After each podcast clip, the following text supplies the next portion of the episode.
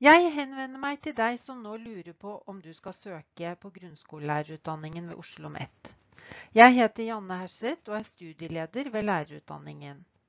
Med denne presentasjonen ønsker jeg å gi mer informasjon om læreryrket, slik at det forhåpentligvis blir enklere for deg å vurdere om det er det du skal søke på. Min påstand er at grunnskolelærer er verdens beste yrke, hvis du passer til det. Men, men hva er det som gjør at du passer til det? Jeg vil fremheve tre ting. Relasjonskompetanse. Du må like å være sammen med mennesker. Du kommer tett på både elevene dine og alle elever på skolen din, men også foresatte og kollegaer. Du må skape de gode møtene ved å vise at du bryr deg og har tro på at elevene har mulighet til å påvirke egen skjebne. Dette gjør du gjennom å lytte aktivt, vise varme, vennlighet, gi oppmuntring og støtte.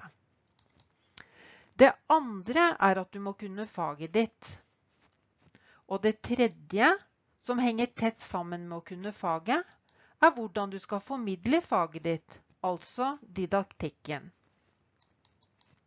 Ønsker du å bli grunnskolelærer, må du like å være sammen med barn og unge i deres vekst og læring. Du må like å legge til rette, organisere, veilede og forklare. Lede barn og unges læring. Og du må like tanken på å undervise i noen skolefag.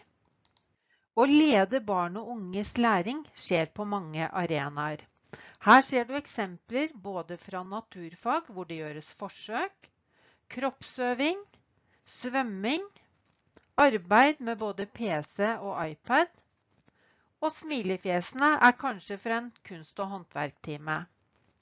Det benyttes mange arenaer, både klasserom, læringsrom, spesialrom, svømmehall, gymsal, skog og mark, ved fjæra, museer. Læreryrket krever at du er i utvikling hele tiden, og gjennom utdanningen, læring på campus og læring i praksisskole, utvikler du lærerprofesjonalitet og læreridentitet. Altså, søker du grunnskolelærerutdanning, bør du like å være sammen med barn og unge i deres vekst og læring. Like å organisere. Like å veilede og forklare.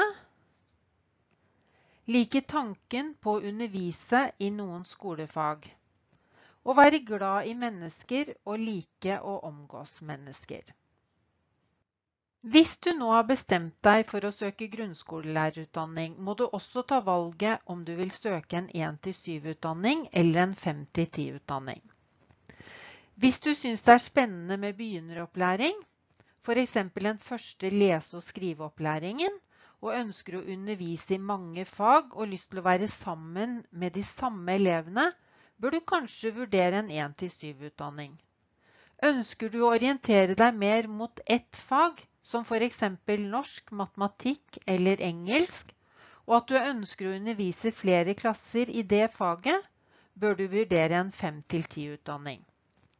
Dette vil selvfølgelig også henge sammen med hvilken aldersgruppe du ser for deg å være lærer for. Her er 1-7-utdanningen skissert. Når du starter opp i studiet, er det norsk, matematikk og pedagogikk og elevkunnskap du har som fag de tre første semestrene.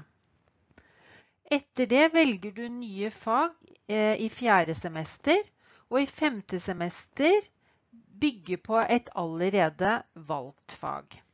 Her er 5-10-utdanningen skissert. Når du starter opp i studiet, har du enten søkt deg inn på norsk, matematikk eller engelsk. Det er faget du skal ha sammen med pedagogikk og elevkunnskap de tre første semestrene. Etter det velger du nye fag. Mitt råd er at de av dere som nå står i startgropen på å velge karrierevei, må koble på både hjerte og hjerne når valg av utdanning skal tas. Du må velge et yrke som du tenker at du vil trives med, for det er mange timer av døgnet som man tilbringer på jobben. Samtidig er det viktig å få seg en jobb etter ferdig utdanningen, slik at man kan utøve yrket sitt. Jeg ønsker dere lykke til med valget og håper å se mange av dere til høsten ved Oslo OsloMet.